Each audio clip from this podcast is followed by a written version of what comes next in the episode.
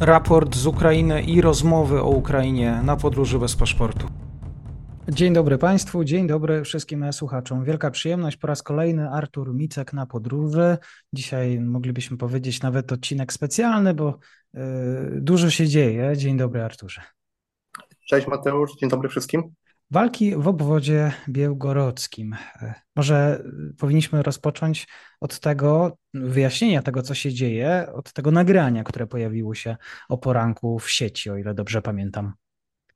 Tak, z samego rana były informacje, najpierw nieoficjalne, później pojawiło się nagranie pokazujące e, żołnierzy rosyjskiego ochotniczego korpusu działającego po stronie rosyjskiej.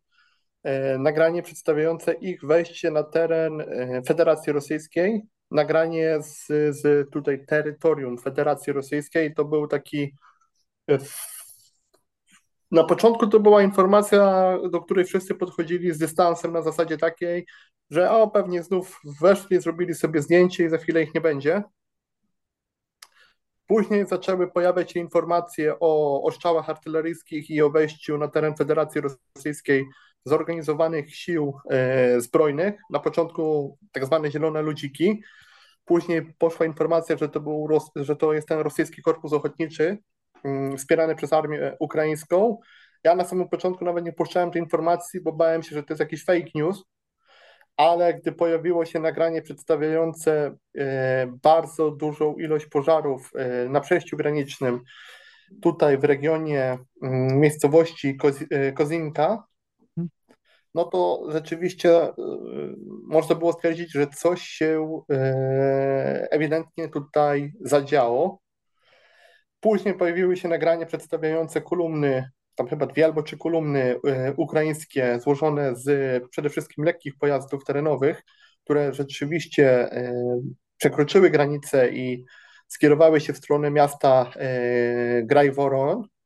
No i teraz już wiemy, że trwają tam walki. To jest taki lokalny, ograniczony atak e, e, ukraiński przy wykorzystaniu przede wszystkim tutaj mm, tego korpusu ochotniczego rosyjskiego, ale no w mojej ocenie działają tutaj też regularne siły ukraińskie, e, jako oczywiście wsparcie, stąd też są nagrania przedstawiające czołgi, nagrania przedstawiające udział ukraińskich śmigłowców.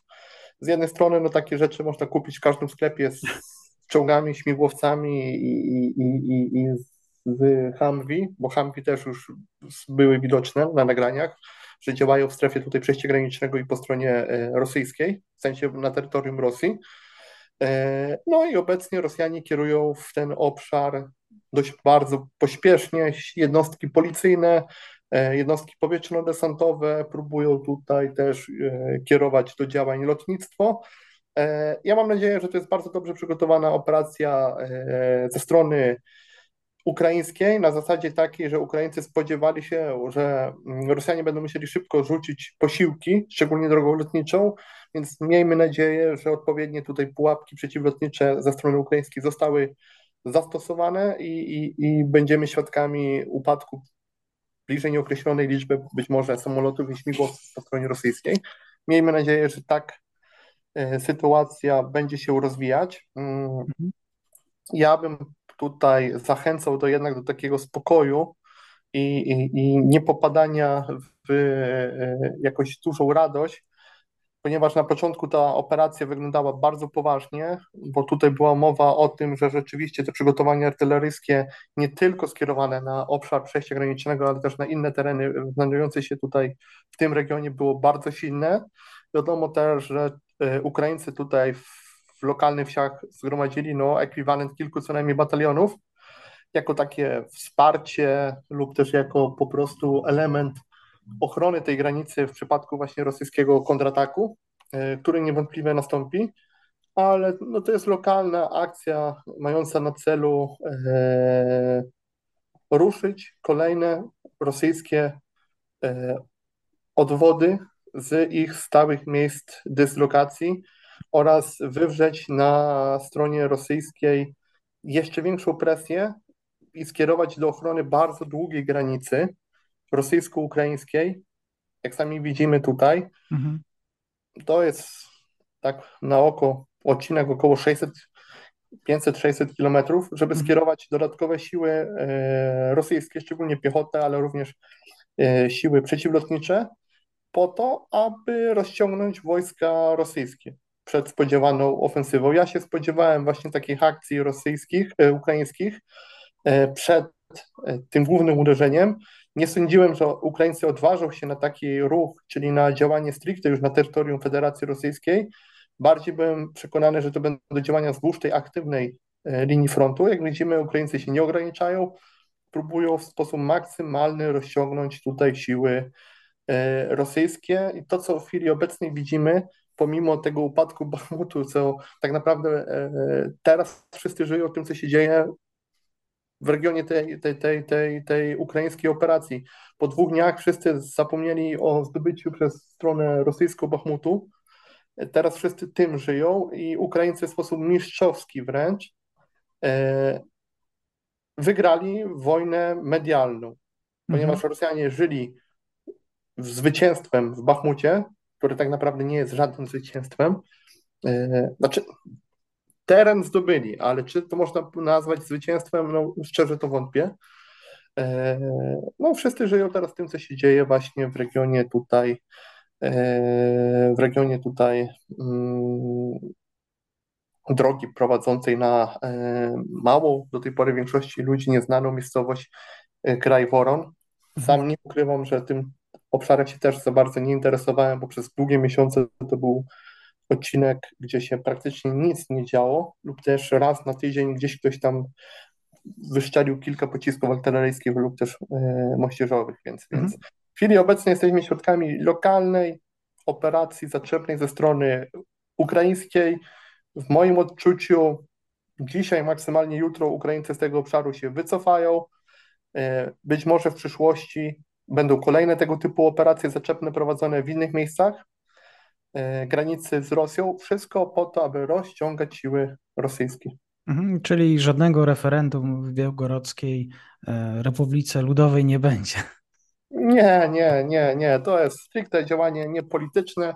Znaczy, ukierunkowanie jest polityczne i ukierunkowanie tych działań jest też w takiej naturze, w takiej naturze, bym powiedział, e, społeczno-polityczno-medialnej, ale pod względem militarnym to jest próba rozciągania sił rosyjskich i, i żadnego tutaj referendum na pewno nie będzie.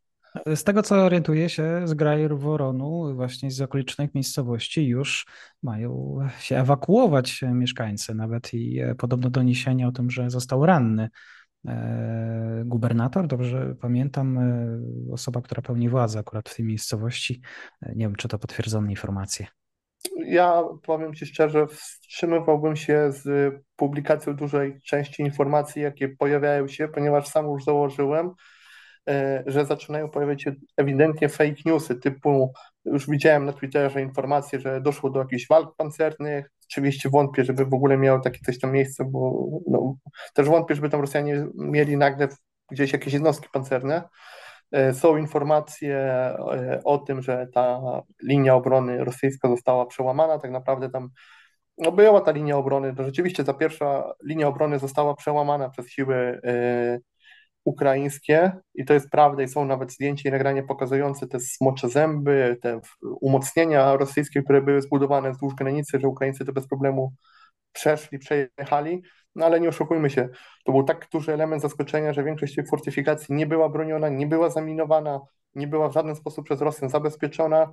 E, z tego, co można zobaczyć choćby po samym przejściu granicznym, no to e, Ukraińcy zastali e, Rosjan dosłownie ze spuszczonymi spodniami. Tak jest. No, zaskakujące to, że to, tak naprawdę nikt nie stawił im czoła. Tam granica była kompletnie chyba niestrzeżona właśnie po stronie rosyjskiej. Chyba tego Ukraińcy się nie spodziewali. Znaczy, Rosjanie się tego nie spodziewali. E, inaczej, Rosjanie się nie spodziewali takiej operacji. To jest na, na 100% pewne i to widać, że element zaskoczenia był gigantyczny wręcz, szczególnie skalą e, ataku i, i, i jej siłą Chociaż nadal trzeba pamiętać, że to jest wycinek kilku kilometrów frontu i tutaj, tutaj nie nacierają jakieś bataliony ukraińskie, to są małe grupy dywersyjno-rajdowe, nie wiem, jak tam działa ekwiwalent batalionu mieszanego, no to to jest chyba maksimum po stronie ukraińskiej. I to, i to lekkiego batalionu, lekkiej piechoty. Są nagrania pokazujące jakieś tam ukraińskie czołgi, bojowe wozy piechoty, ale wydaje mi się, chociaż nie miałem czasu, żeby sprawdzić geolokalizację, albo nawet spróbować sprawdzić geolokalizację tych niektórych nagrań, ale wydaje mi się, że dalej to są tylko i wyłącznie materiały jeszcze po ukraińskiej stronie granicy. Mhm, mhm. E, ciekawe. E, z jakich źródeł informacji zatem korzystać, żeby e, mieć, mieć świadomość tego, że jednak czyta się, zapoznajemy się z materiałami wiarygodnymi? No, oczywiście w Twoich, ale, ale nie, no, prawda, prawda jest taka, że w chwili obecnej każda informacja publikowana na ten temat, nawet przeze mnie, no to jest obarczona dużym ryzykiem autentyczności i trzeba mieć odwagę, żeby to, żeby to po prostu stwierdzić, że nie ma żadnego takiego w chwili obecnej źródła, które na 100% by pokazywało, że na pewno dzieje się to i to. Więc, więc, więc e,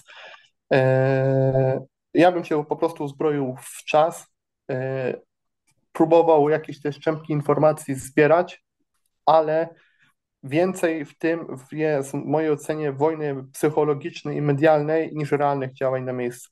No zobaczymy, czy Rosjanie się odsłonią, a tak jak wspominasz, to chyba jest ten główny cel, poruszyć Rosjan. Bardzo dziękuję Arturze za komentarz, za krótkie spotkanie. Kłaniam się. Do usłyszenia. Dziękuję bardzo, do usłyszenia.